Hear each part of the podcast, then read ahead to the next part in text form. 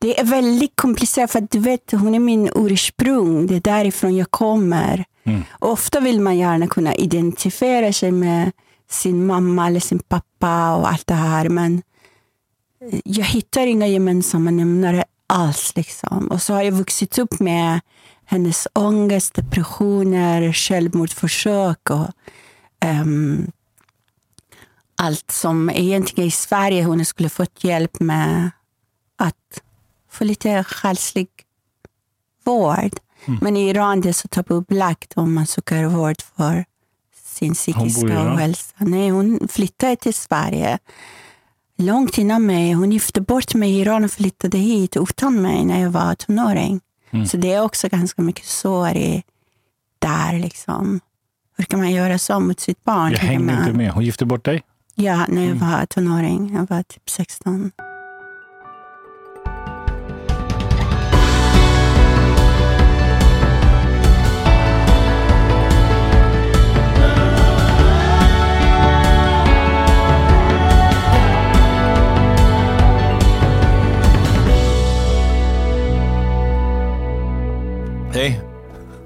Vänta, vänta. Vad gör du för något? Jag försöker bara typ samla, samla mig. Så, Ja. nu är jag här. Du är här nu. Det var jag förut också, men nu är jag lite mer Så här. vem är det som är här? Jag vet inte, jag ska kolla i, i mig vilken av mig som jag ska göra. Hej alla kära lyssnare. Jag heter Zinat Al-Sadat Shohre Pirzadeh. Och eh, jag är här för att jag tycker om Victoria och jag känner inte den här mannen framför mig. Men han verkar vara typ iranier fastän han har gröna ögon. Alexander heter han i alla fall. Mm. Han ska coacha mig tydligen. Mm. Men det kan bli tvärtom, man vet aldrig. Man vet aldrig. Mm. Eh, så vad ska vi jobba med idag? Jag har ehm, en väldigt komplicerad relation till min älskade mamma. Och eh, det är liksom... eh, det är som att ha... Hur ska man säga? Det är väldigt komplicerat för du vet, hon är min ursprung. Det är därifrån jag kommer. Mm. Ofta vill man gärna kunna identifiera sig med sin mamma eller sin pappa och allt det här. Men jag hittar inga gemensamma nämnare alls. Liksom. Och så har jag vuxit upp med hennes ångest, depressioner, självmordsförsök och ehm, allt som egentligen i Sverige hon skulle fått hjälp med att få lite själslig vård. Men i Iran det är så tabubelagt om man söker vård för sin psykiska ohälsa. Nej, hon flyttade till Sverige långt innan mig. Hon gifte bort mig i Iran och flyttade hit utan mig när jag var tonåring. Mm. Så det är också ganska mycket sår i där. Liksom. Hur kan man göra så mot sitt barn? Jag hängde man. inte med. Hon gifte bort dig? Ja, när jag var tonåring. Jag var typ 16. Mm. Och så flyttade jag själv till Sverige för att hon ville inte ta med mig hit. Liksom. Mm. Var du kvar där? Jag var kvar i Iran Mm. i ett tvångsäktenskap. Hur länge då? Några år i alla fall. Så jag flyttade sen eh, med mitt barn tack vare min mormor. Som var helt annorlunda. Jag har mycket lättare att relatera mig till henne Mm. än till min kära mor. Så hur gammal är du när du kommer till Sverige? När jag kom till Sverige, på riktigt eller på papper. jag var i alla fall runt 20. För att jag är lite, Ja. jag är lite yngre än mitt, mina, mina papper. För jag blev Vad bortgift. praktiskt. Ja, det är Jag har lite olika åldrar. Ja, precis. Man får välja. Nej, men det har ingen betydelse. Det är bara några få år. Liksom. Men ehm, det har varit en stor uh, öppet sår det här med att eh, bli övergiven. För att under hela barndomen, det var jag som var hans, hennes mamma. Mm. Och det var väldigt svårt att inte få lov att vara barn. Liksom. Mm. Jag älskar henne jättemycket och sen frågar jag mig själv varför måste jag älska en person som har gjort mig så illa. Mm. Och uh, det har varit så. Ja. Men är det samma sak? Kan det vara olika saker du känner? Ja, men såklart att det är olika saker, men när det kommer till kritan, då möts i ens hjärta. Liksom. Och de här blandade känslorna, de här ambivalenta förhållningssättet. Mm. Och hon är väldigt bra att skambelägga en, skuldbelägga en. Mm. Liksom. Jag har en judisk vän som säger din mamma kör som min mamma är likadan. Och sen lyssnar jag ofta på en låt av Prince som sjunger så här. Maybe you're just like my mother. She never been satisfied. Liksom, okej, Kanske jag och Prince är syskon, tänkte jag. liksom. Mm. Ja, så att... Um, och så hon är extremt begåvad. En gudabenådad poet. Hon har läst allt. Hon var litteraturlärarinna. Och när vi växte upp liksom, satte mor på en väldigt vacker träsäng som vi hade under liksom, de här hängande såna här vindruvor och allting. Och träden. Vi hade en jättestor Mm. gård. Och så satt hon där med alla sina böcker. Titta inte på oss. Vi hade en tjänstekvinna som hette Khanim Babai. Det är hon som är min mamma på riktigt. Och jag kunde inte hjälpa henne när jag var utvisningshotad här och hon behövde opereras. Det är hemskt att, att hon har dött när jag inte kunde hjälpa henne. Idag skulle jag kunnat hjälpa henne, men då var jag utvisningshotad och utarmad själv med ett barn på flykt i Sverige. Det var värre än tiden i kriget i Iran. Liksom. Så, men ehm, min kära mor som har alltid hotat att ta sitt liv, hon är snart 90. Häromdagen när hon sa det där, jag sa mamma, du är jättedålig på det här. Du kommer komma med Guinness rekordbok. Som den som var sämst med sina hot. Hon, hon började skratta. Sen hon sa något som typ skärde mitt hjärta i tusen bitar. Hon skrattade så här. I skrattet sa hon att varje gång hon sa att hon ska ta sitt liv så orkade hon leva en dag till. Mm. Jag, jag hade aldrig tänkt på det. Mm. Så är det. Mm. Ja. Men hon är jättefin. Hon är närmare 90 som sagt. Och hon sa till mig häromdagen, hon sa, min dotter, jag är så tacksam att du inte stoppar mig till ett sjukhem, för beslutet är taget, för att hon är så glömsk. Liksom. Mm. Häromdagen ringde mig och sa, din pappa, jag tror hon har gift om sig med en ny kvinna, för han är aldrig hemma. Och jag bara, mamma, pappa dog två år sedan. Aha, det förklarar glömma. Hon, hon börjar bli dement. Ja, på gott och ont. Kanske är en välsignelse, man vet aldrig. Mm. Jag har inte hjärta att stoppa henne i ett hem. För att alla mina vänner som har haft, eller vänner under covid, många dog i de här hemmen. Mm. I hemmet, i olika hem. Så äh, jag vet Vi inte. kan prata om det sen. Min, min, eh, min älskade sambo eh, är, är verksamhetschef på ett äldreboende. Jaha, är det en bra ställe? Ja, Finns det bra ställe också? ja, absolut. Vad fint. Mm. Då kanske vi kan prata om det. För beslutet är taget. Och de ringer mig och säger att när vill du att vi ska flytta henne? Var vill du att vi ska flytta henne? Sen går jag dit. Så sitter hon och ser så gullig ut. Mm. Och jag fattar inte, det är samma människa som har varit så brutalt mot oss Mm. när vi var barn. Jag kommer ihåg min lärare frågade oss. Både mig och min bror har såna här surrealistiska kommentarer från fröken som hade trott att vi hade blivit påkörda eller något sånt. Liksom, för att hon kunde vara så aggressiv. Pappa var elitbrottare. Han var typ i Frankrike, i, i Ryssland. Han var på turn, världsturnéer. Liksom. Och uh, han hade ingen koll vad som hände i hemmet. Och när han kom, vi ska komma hem, mamma kammade oss fin och klädde oss fin. Då satt vi där som tända ljus. Pappa kom med presenter och pengar och skratt. Han var så rolig. Och han visste ingenting. Nej, jag berättade för honom strax innan han dog och han reste sig med sitt käpp och vi gråt och viftade med den och sa kvinna, hur kunde du göra det här? Men jag sa till pappa lägg inte allt på mamma, du var frånvarande. Mm.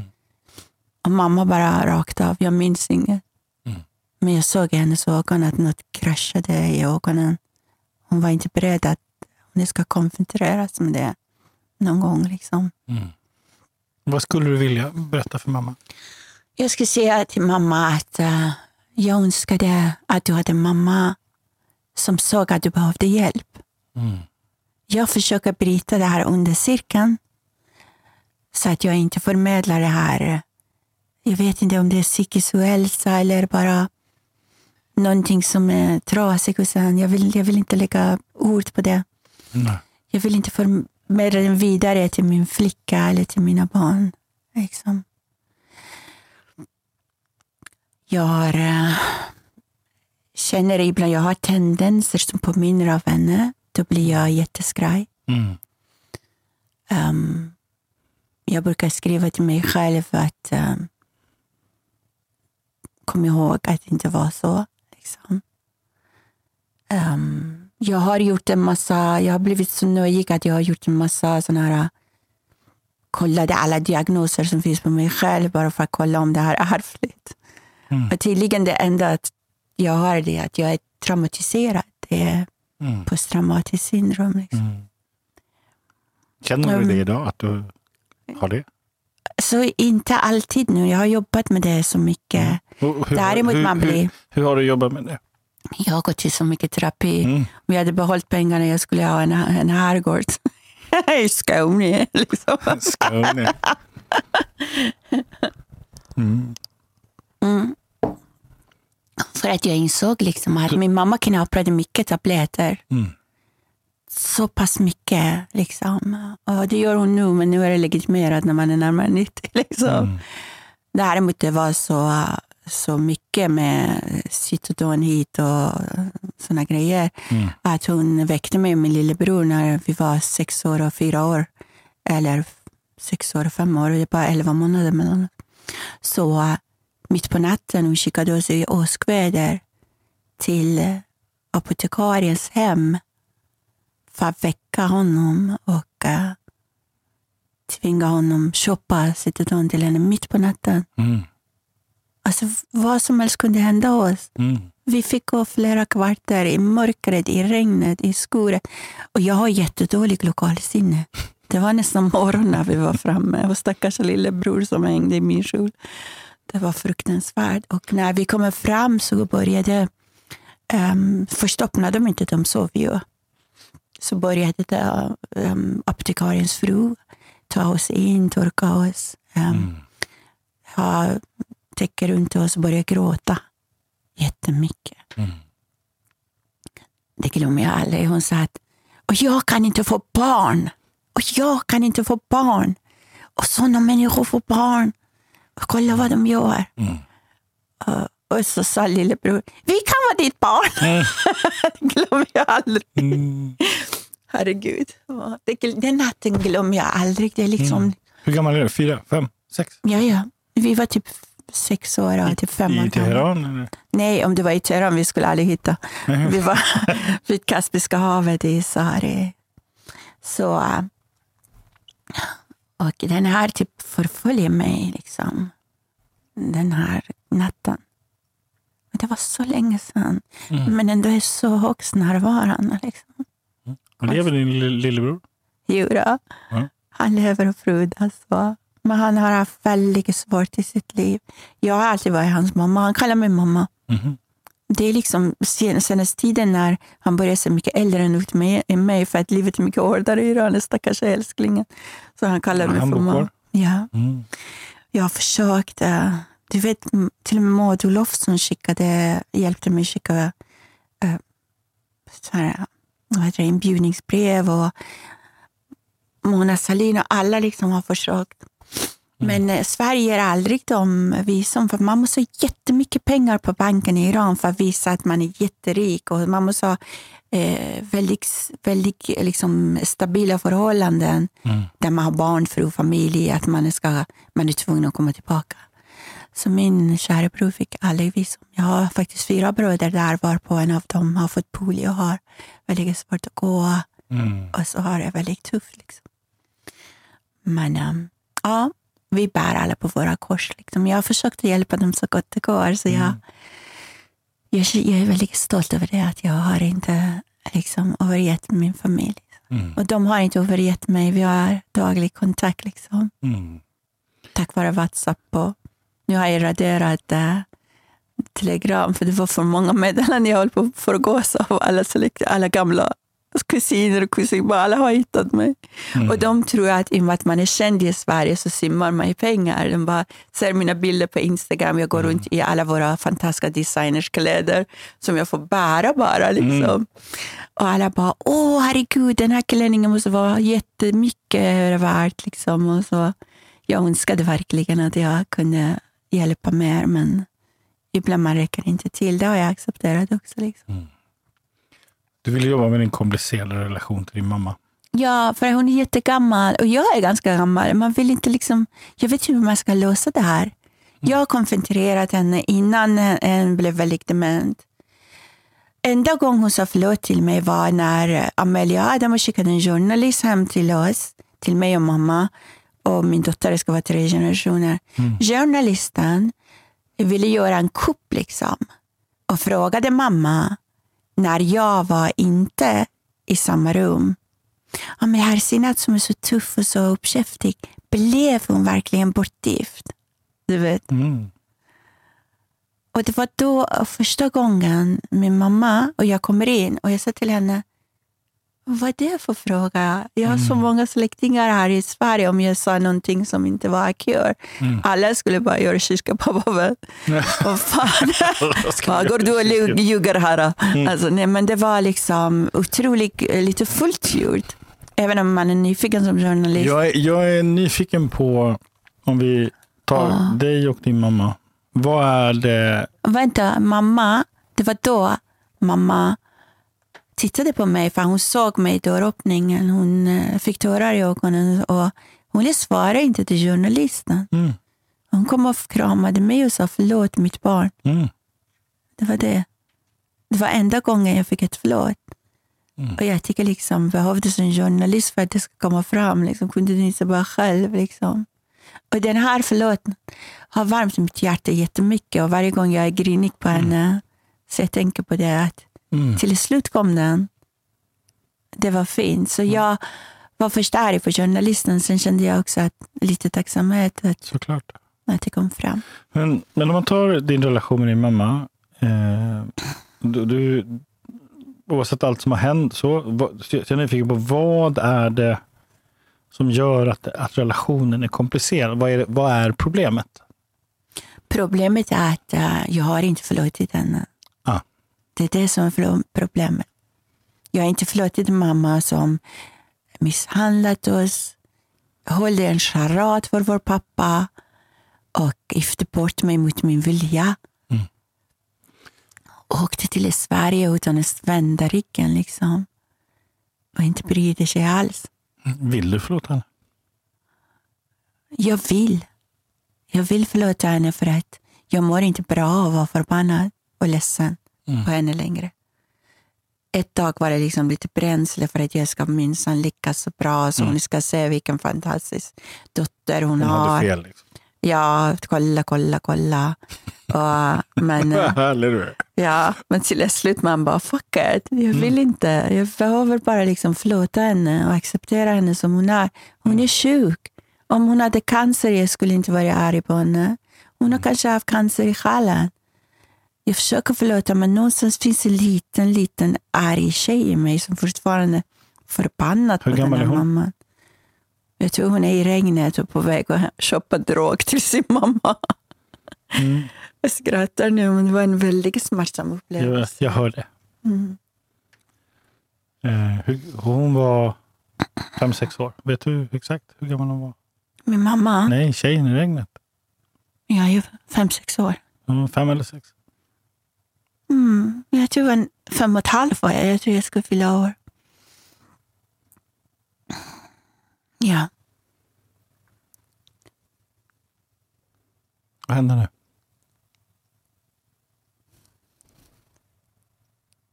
Mm. Vad händer nu? Jag är lite tyst bara. Mm.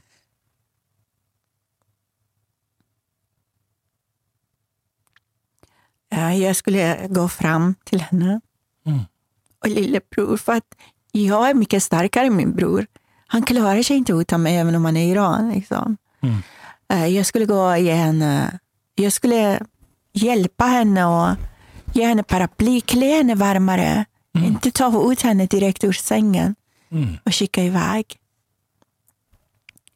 Jag skulle ge henne paraply och jag skulle ringa taxi om jag själv inte orkade, om jag var mamman. Jag försökte vara i mammas kläder. Att hon behöver de här tabletterna, hon skulle typ dö utan dem. Hon mår jättedåligt utan dem. Om du ska skicka så små barn, så se till att de åtminstone är varmklädda. Jag håller på att frysa ihjäl mig. Mm. Och jag gav den lilla extra tröjan till min lillebror för han var så ynklig och grät hela vägen. Mm. Och mi- mitt problem har varit att jag vill alltid vara den som tar hand om andra. Mm. Och jag har inte vågat liksom visa min egen smärta och hur liten jag kan vara egentligen. Mm. Och uh, jag ser att hon är, mamma var lite så här mm, tablettmissbrukare, men vi får säga det, Ja. får kalla det för vad det är. Mm. Och eh, då känner jag liksom att då kunde du åtminstone se till att dina barn var varmklädda Mm. i det här ruskvädret. Mm. Att det var en taxi du betalade, att de hämtade och lämnade oss. Så att du inte skickade oss i det skiktet. Liksom. Mm.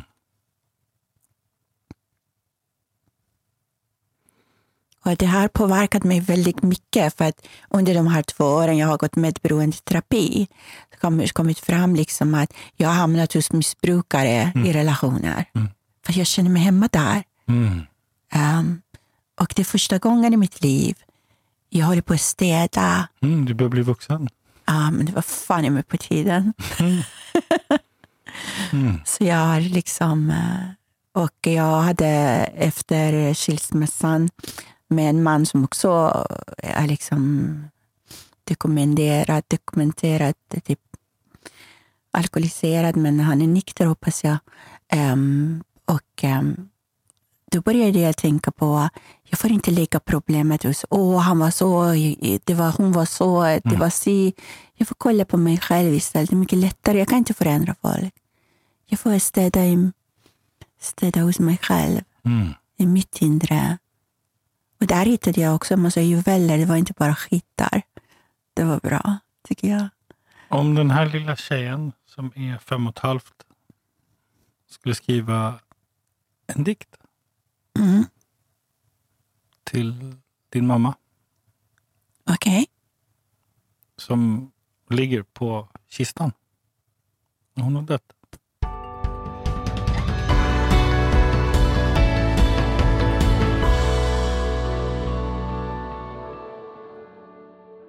Nu vet jag att du är fullt fokuserad på det här fantastiska samtalet som Alexander har. Men det kan också vara värt att bara ta en minut och zooma ut lite. Fundera lite på vad det är som händer i just det här samtalet när Alex coachar en människa. Det här är ju vad Alex gör hela tiden. Du kan gå i coaching hos Alex och vara den här personen som ser mer av sig själv för att bli mer av sig själv. Du kan också lära dig det Alex gör. Bemästra de här verktygen, gåvorna, nyfikenheten som han använder. Närvaron han bjuder in i rummet när han coachar en annan människa för att se mer av sig själv och bli mer av sig själv. Det går att lära sig på Alex utbildningar och om du bara blir berörd av det här samtalet och vill att andra ska upptäcka det så får du väldigt gärna dela med dig av det här samtalet på Instagram eller LinkedIn och skriva några rader. Eller gå in och betygsätt podden. Då blir Alex jätteglad. Så, bli coachad av Alex.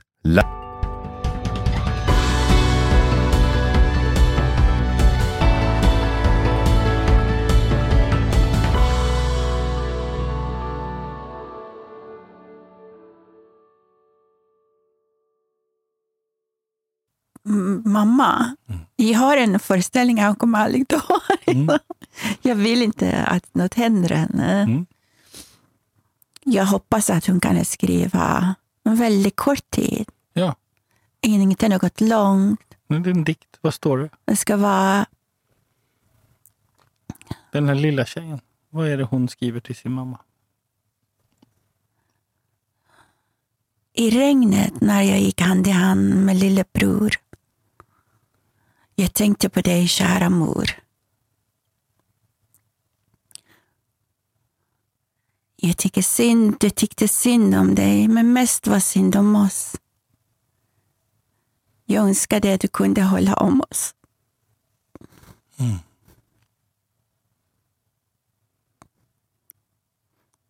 Önskar det. Jag förlåter dig, mor.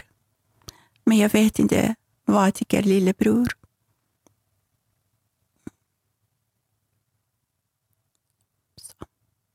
Så du förlåter henne? Jag hoppas kunna göra det. Mm. Jag vill. Mm. För att annars kommer jag inte kunna försona med mig själv. Är det henne du behöver förlåta eller är det dig själv? Jag tror det är fan i mig det är henne jag ska förlåta. Jag var en rätt bra, bra dotter. Mm. Och det är jag fortfarande. Men har du varit snäll mot dig själv? Inte alltid. Jag har gjort ganska mycket våld mot mig själv för att känna mig älskad av människor som inte ens förtjänade exakt. vara i mitt sällskap om jag ska vara ärlig. Så skulle du kunna förlåta dig själv? Nej, jag är arg på mig själv. Jag är inte där än. Jag håller på att jobba med mig själv. Jag vill inte låta så här, "Åh, jag ska förlåta mig själv. Jag bara, fan i mig bruden vad du har fuckat ditt liv. Din jävla ragata. Nu fan i mig så till att det blir bra nu. Och så, sen jag har också insåg att de männen jag har haft i mitt liv, eh, det är inte så många, men för att någonstans är jag en liten taliban-tjej ändå. På riktigt. Prosit. Prosit. Alltid två. Ja, En jag brukar Nu när du tre. blev arg. Eller hur? Nu när du var arg. Ja, Var du arg på... Var det din mamma som pratade eller var det du? det var absolut jag. Jag kan fasiken vara arg. jag kan vara arg också på mig själv. Jag Tror är... din mamma har varit arg på sig själv? Mm. I mammas värld finns ingen bättre än henne. Och jag är så på avundsjuk på det? henne. Är du säker på det? För att jag sa till henne nyligen, du vet, i en klar ögonblick där hon var närvarande. Jag sa till henne, mamma, du har gjort så mycket oförrätter mot oss. Och jag är den som har flyttat på ditt hela bohag. Jag har fixat bostad bredvid mig. Jag gör allt för dig. Fastän du har varit riktigt kass mamma. På riktigt mamma. Du måste erkänna. Hon sa, ja, jag gjorde så gott jag kunde. Jag sa, det var riktigt dåligt gjort i alla fall. Men nu har du chansen mamma.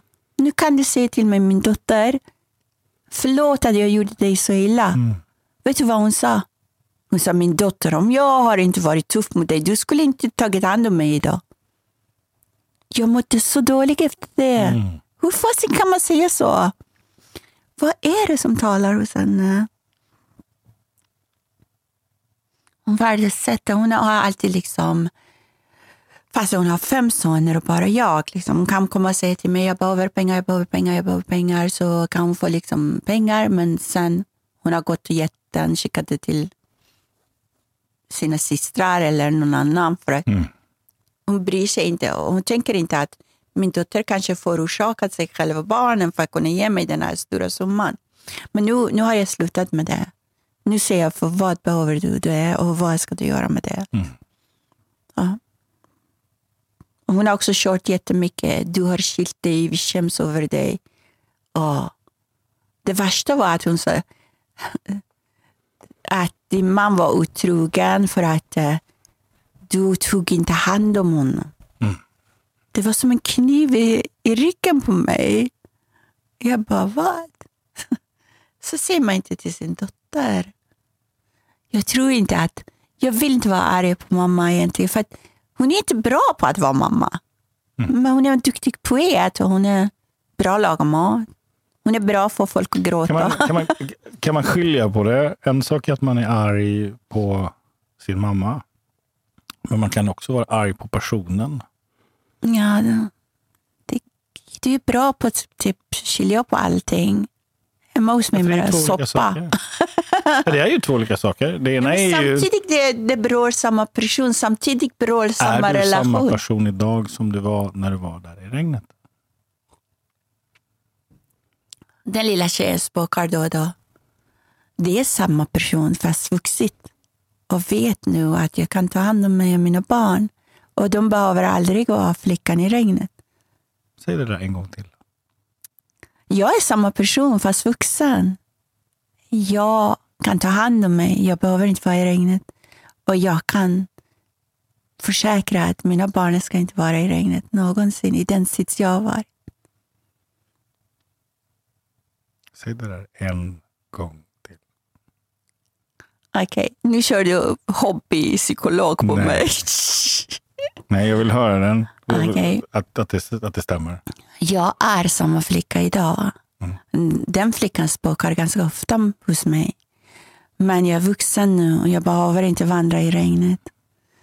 Och jag kan försäkra att mina barn inte ska vara de barnen i regnet.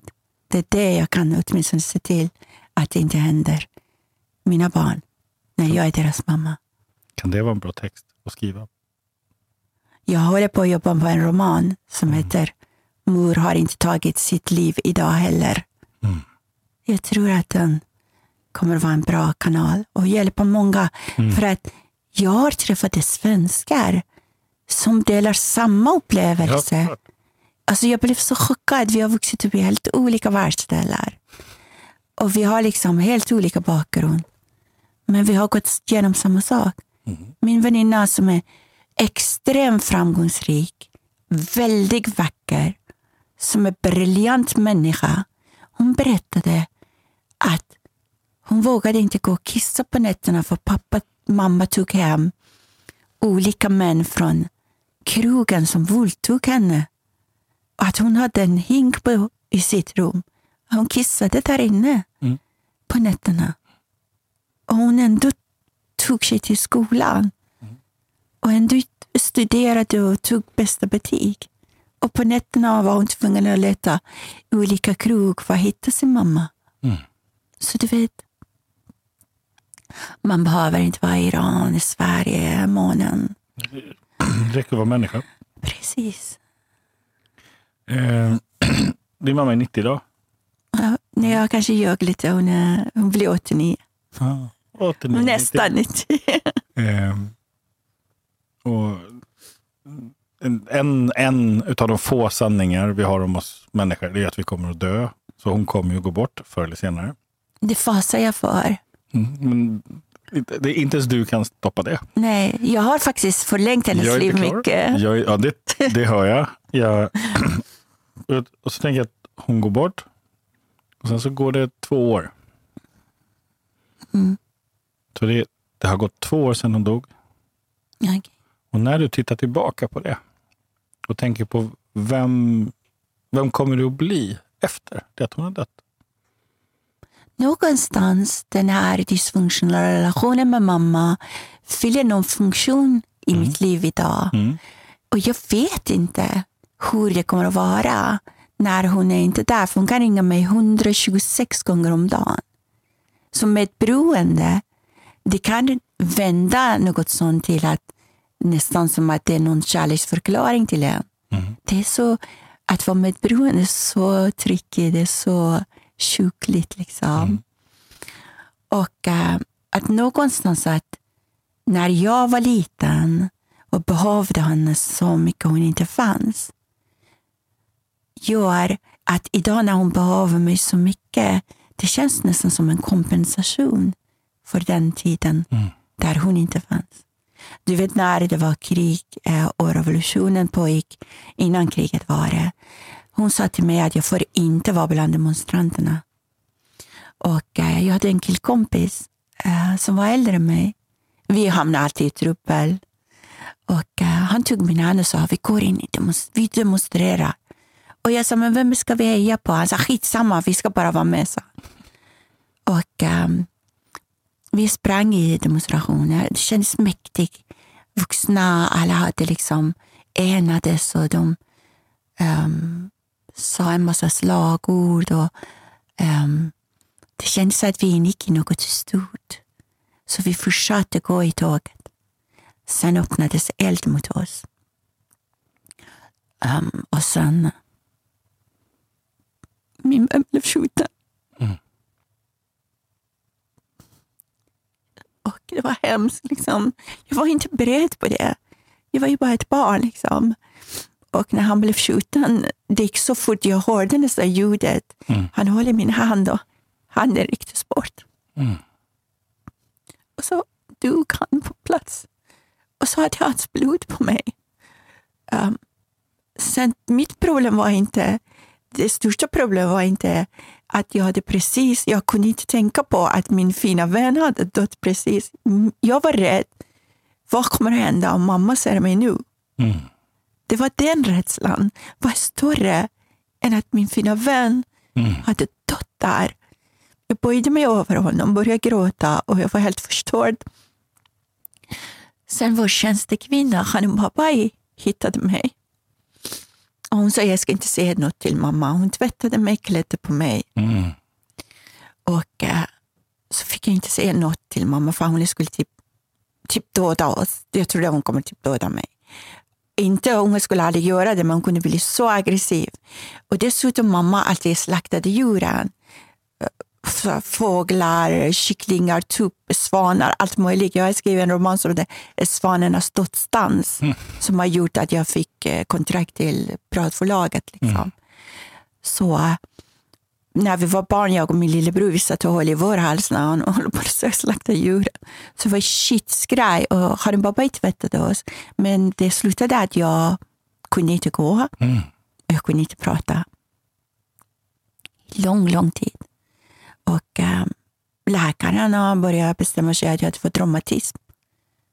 Och de började spruta en massa reumatismmedicin och jag fick... Egentligen var liksom jag hade blivit förlamad av sorg. Mm. Hur gammal är du nu? Då var jag, då var jag bara typ ja, tio, liksom. Tio, elva år. Men ehm, jag berättade för henne nu. Hon grät så mycket. Mm. Hon sa att du hade byggt ett monster av mig i ditt huvud. Jag skulle aldrig övergett dig när du behövde mig. Jag fattade inte vad som hände med dig. Mm. Och Det var väldigt fint att ventilera med henne. Mm. Och att hon mindes att jag kunde inte gå och prata ett tag. Och eh, så småningom eh, jag försonades med att jag förlorade min bästa vän. Och eh, jag skrev en dikt som jag sa att eh, jag läste upp den på mitt sommarprogram som heter Jag kan inte tvätta dig Mm. ur mitt hår. Vad är det där för podd? Fuck off, jag går nu. det är för mycket som kommer upp på ytan. Det gör så jävla ont. Mm. Okej, nu coachar vi dig så får du gråta. Ja, hur känns det att prata om det här? Uh, väldigt jobbigt Mm. och samtidigt eh, lite befriande. Mm. Jag tror inte jag skulle kunna prata om de här sakerna eh, några år sedan innan jag hade bearbetat dem. Mm. Jag tror att man kan klä smärta i ord när man har nästan jobbat med det ett tag. Mm. Annars går det inte. Mm. Annars är det bara som en tickande bomb i ens hjärta som gör bara ont, ont. Liksom. Jag, jag, hör, jag hör jättemycket saker. Eh, Jag, jag tänker... jag tänker vi, vi, vi bär ju på metaforer i våra liv, symboler som, Jo, som bär olika betydelse. Eh, Och ibland så blir de sammanflätade. Eh, sorgen över vännen som gick bort är en del av mammans frånvaro. Och så, och, och så blir det, när vi växer upp så försöker vi bara överleva. Liksom. Nej, vi ska inte bara överleva. Vi ska leva också. Ja, ja, ja, ja, men när man är eh, liksom utsatt för, Ja, ja för såklart. saker. såklart. Som att man blir lämnad, ett, ett barn som är fem och ett halvt år ska inte gå ensam och leta knark till sin mamma i regnet. Det var enligt henne bara värktablett mot huvudvärk. Mm, Citadon. Ja. Ja. Men det är ändå, det är ändå en... Och hon hade liksom... Hon hade behövt hjälp. Det hade du också. Ja, inte bara jag och jag och lillebror. Och liksom. Men nu är det du som är här. ja. För Jag tänker alltid på vem, andra. För vem tar hand om dig? Vem, Jag är, jag är rätt bra på det, som du ser.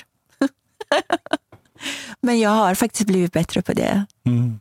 Jag har eh, varit, eh, efter att jag, alltså efter separationen och skilsmässan så var riktigt, riktigt smutsig. Liksom. Mm. Det kom upp så mycket vidriga saker allt eftersom. Mm. Allt efter att man har tittat på en, på en iPad. Då insåg man att man levde med någon man inte kände alls. Liksom. Och ehm, jag har inte vågat dejta någon, träffa någon eller fördjupa någon relation. Sen eh, Förutom med dig själv då. Ja, precis. Men sen träffade jag en person som jag har alltid tyckt om jättemycket. Och, och han var väldigt intressant och mycket, mycket smart, intelligent, rolig.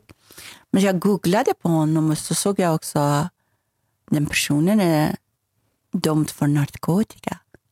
Och jag bara, spring för livet! Och jag hade så starka känslor för honom. Mitt gamla jag skulle bara, ah, men sånt händer. Alla människor är missbrukare någonstans. Jag köper skor, jag äter choklad.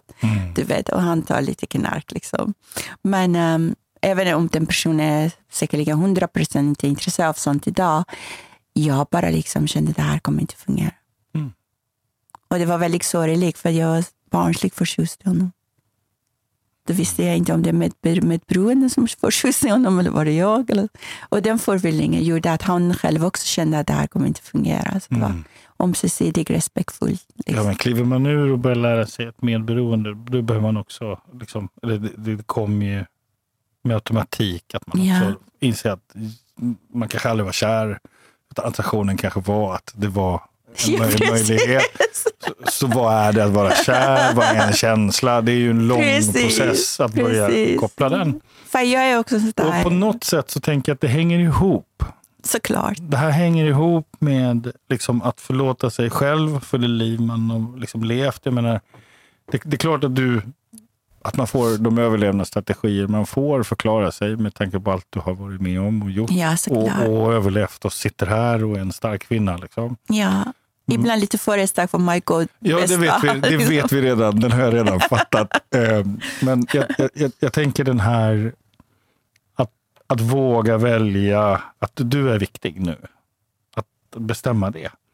Och, och, och att ta det på allvar och börja lyssna på vad du behöver idag. Ja. Så. Och jag känner någonstans att um, det här är oerhört viktigt att också säga när man är liten och hjälplös och behöver folk. Jag har fantastiskt nätverk och jag har underbara vänner. Jag kan typ ringa dem tre på natten om det behövs. Liksom. Vi finns för varandra alla. Jag har en chosen family, Mm. chosen family som är briljanta. De, Ja. det som, vi är som en hel armé Ja. som finns för varandra. ja, visst är det häftigt? Är Att man kan välja sin egen familj. Ja, Mm. jag har liksom Alexander Arvik, jag har Yvonne, jag har Petter, jag har också en till Petter. Mm. Jag har faktiskt tre Petter. Vad fan är det med alla Petter i mitt liv? Peter Lindgren, Pet- Peter Parrott, jag har också Peter Engl. Det finns fler Petter. Men i alla fall, jag har underbara vänner. Mm. Mitra, Mitra Zori. Jag har så många, så många underbara vänner. Sheila, det finns massor. Och Shilan Feizi, hon är liksom, hon är, henne måste ni intervjua. Mm. Hon är en extraordinär person. Mm. Och hon är en sån där som är inte bara som kommer och bara säger oh, jag är din vän, jag finns här. Hon kommer att visa handling. Hon liksom kan komma och ta dig Mm. och säga idag tar jag dig till Yasuragi. Mm. Du ska vara prinsessa. Och du ska vila dig och du ska må bra. Du ska, när min pappa hade dött, liksom, jag var, jag, min pappa var gladaste människan. Du vet, jag tror den här glädjen jag har i mig ganska mycket kommer från honom. Han sa alltid, i varje människas hjärta finns en trädgård. Som ingen sorg, inget elände får kliva in. Och där finns bara glädje. Och där finns bara en person som inte söker sig till elände, som ska må bra. Och när han hade cancer och var döende på Sankt Göran, så läkaren sa till honom, Ali vi är ledsna, du får, det var några dagar kvar, men tack och lov han levde flera månader, fast de hade sagt flera, några dagar. Så han var jätteglad och skrattade hela tiden. Och sen kom Sen kom läkaren in, han var iranier och sa Ali, hur kan du vara så glad när du är döende? Han sa, vad fan ska jag vara både ledsen och döende samtidigt? alltså det, här, det är hans livmotto. Liksom. Han var alltid så glad. Liksom. Och han, han såg alltid glädje. Liksom. Om huset blev bombat, så ah, vad bra, imorgon skulle jag städat, alhamdulillah. Liksom, han var Alltså, i honom, jag tror att jag har ärvt den här delen som jobbar som komiker ganska mycket från pappas syn på livet. Mm. Och varje gång jag var gnällig, alltså min dotter, ta en promenad på begravningsplatsen, då kommer du lugna ner dig. Mm. Så vad skulle du vilja säga till mamma innan hon dör? Jag älskar dig mamma. Jag älskar dig din lilla, lilla sjukliga människa som aldrig fått hjälp. Men jag älskar inte det du har gjort mot oss. Mm.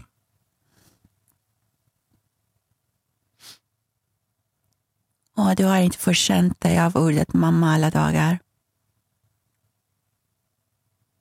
Ja. Och jag hoppas kunna förlåta henne. En dag. Min terapeut sa du behöver inte göra det. Du kan till och med hata henne. Det är helt okej. Okay. Det kan jag inte. Varje gång jag har hatat någon jag mår dåligt själv. Jag har försökt vi vara elak. in- Vi väljer inte våra föräldrar. Nej, men enligt ayurvedisk lära, det gör vi fan i mig.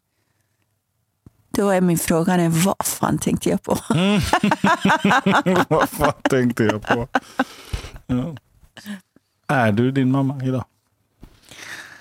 Äh, hoppas jag inte. Hoppas jag är lite mera närvarande mor än hon har varit. Mm. Det här är en fråga som mina barn kan svara på. Inte jag. Vad skulle femåringen säga? Um, I regnet. Vad skulle de säga till dig då? Jag skulle säga, fasiken Sinat, jag trodde inte att det ska gå så jävla bra för dig. jag tror hon är stolt över mig. Och, men jag tror hon kommer att avråda mig när jag skulle gifta mig. Mm. Jag önskade att hon hade fått um, en um, tryggare barndom. Mm. Man ska inte vara rädd för sin mamma. Ens mamma ska vara ens trygga famn, ska vara ens hamn. Det ska vara den man kan vända sig till. Så är det. Men efter revolutionen, när, de, när min pappa förlorade alla våra rikedomar och från att vara hyllad celebrity och OS-stjärna och allt det där. Vi blev typ förlorade all status. Mamma blev mycket, mycket sämre. Och därför har jag bestämt mig att mina rikedomar ska inte vara utanför min kropp. Ska ingen ta dem. Mm. Det ska vara i mitt hjärta. Det ska vara med mig. De säger att jag har mycket grejer hemma. Men jag svär till Gud, eller man ska inte svära. Det enda jag ska ta med mig, liksom, om jag känner att jag måste gå, det är bara barnen. Mm. Okej, mormors juveler också. Lite familjeklenut. Men eh, alltså, jag är inte bunden till sakerna. Nej. Och jag har också slutit fred med mina trauma. För jag har sagt till dem, ni är mina trauma. Mm. Jag är inte eran zinat. Mm. Men det tog lång tid Mm. att komma dit. Jag sörjer Askar fortfarande som, Mm. som dog. Jag skulle varit rätt gammal nu. Han var så rolig. Jag hamnade i trubbel på grund av honom hela tiden. Vi öppnade en gammal gruva som var låst.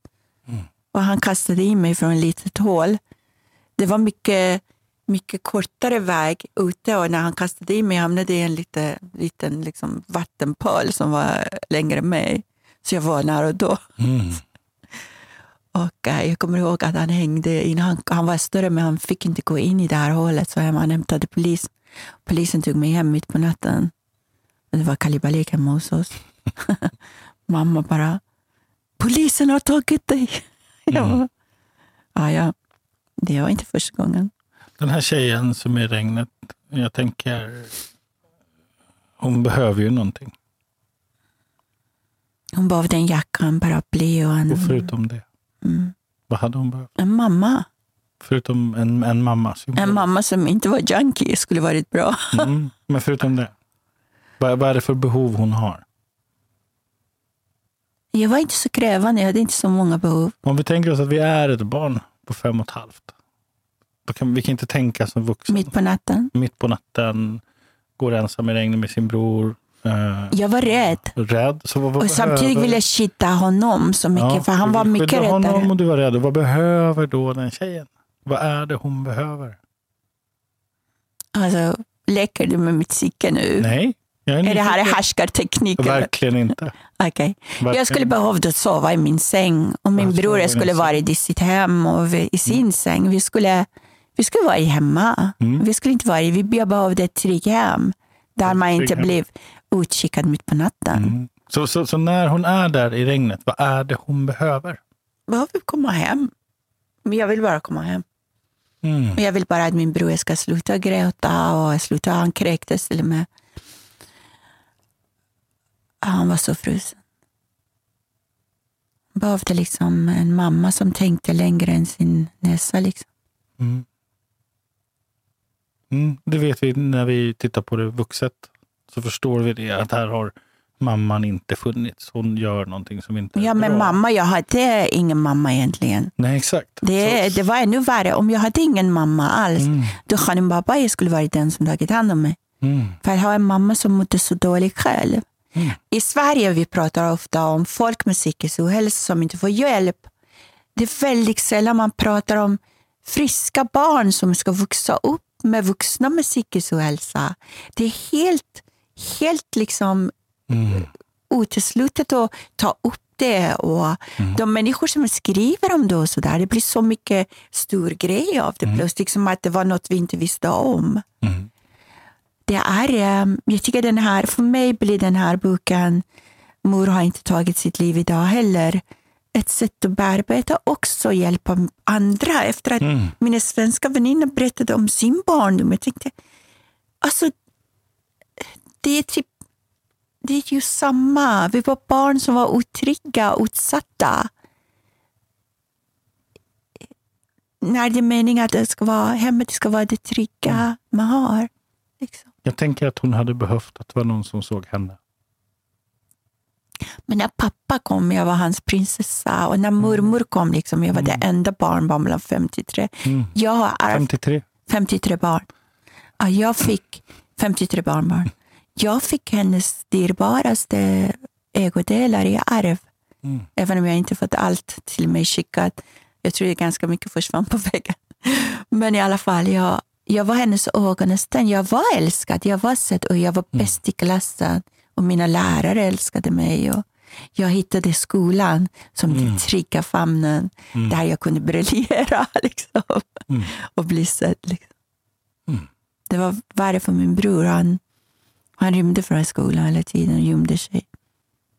Och jag hade päronträdet som mamma hittade. Hon kunde alltid ta mig.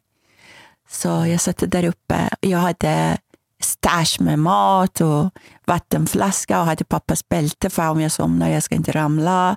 Jag hade en, en korg där jag hade täcke. Jag hade kudde.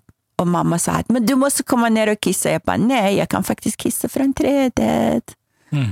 Och så kom pappa och sa, vad har hon gjort idag? Mm. Jag har vuxit upp på en päronträd. Om ni upplever mig lite ohyfsad så ni vet att det var...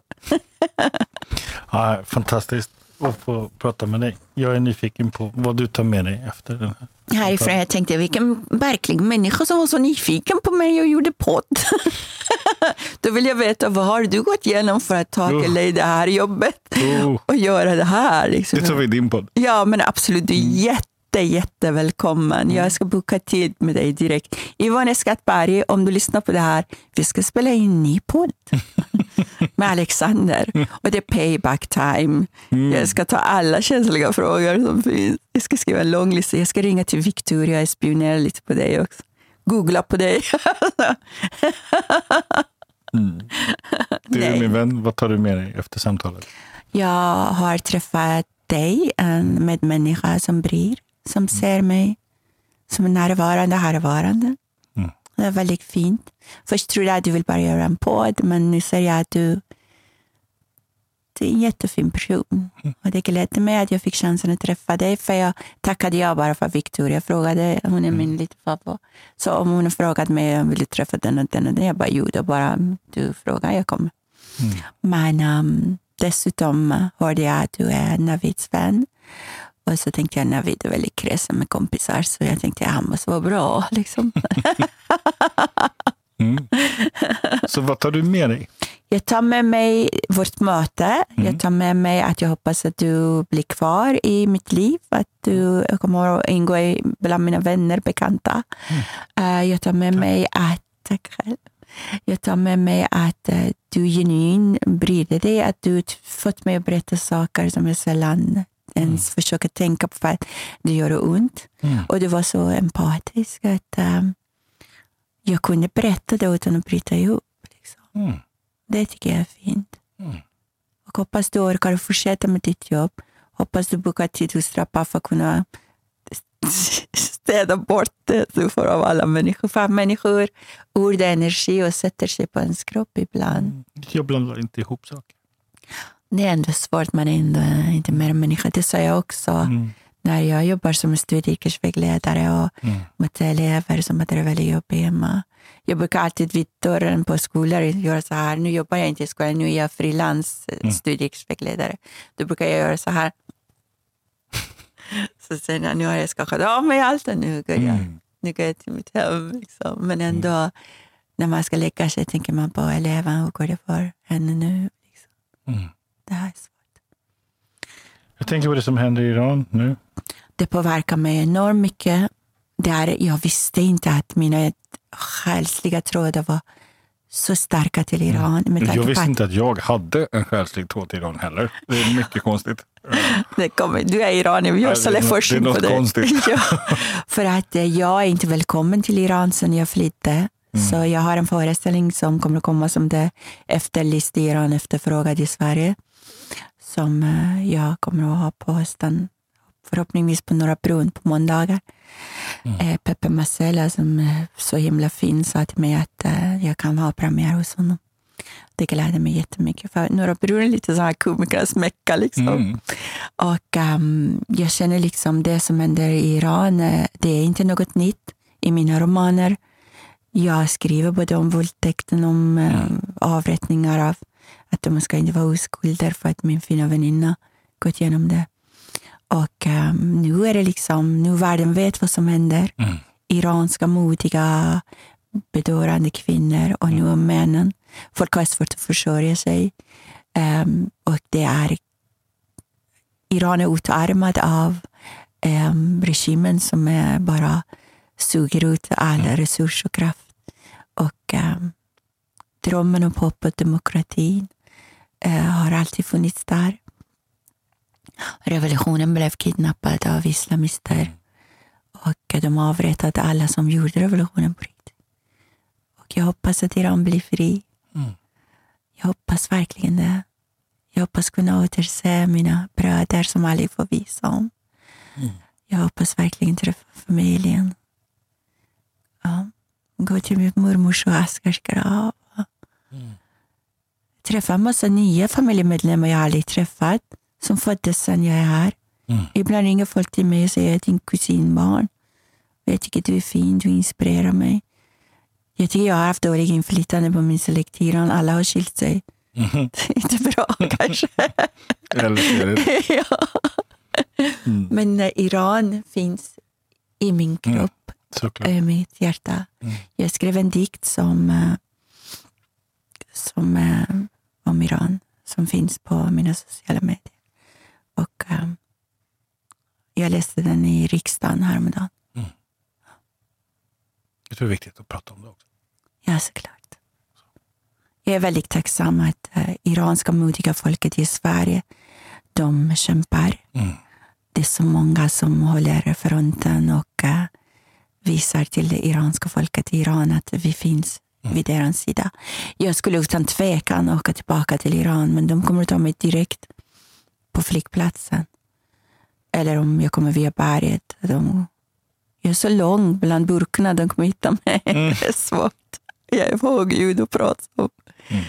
Men eh, jag känner, jag känner skam att vi demonstrerar här. Det är så tryggt, då kommer polisen och vaktar och så kommer någon som säger att håll käften med er, regimen är bra och vi säger håll käften själv. Och det är inga vapen, mm. inga sån.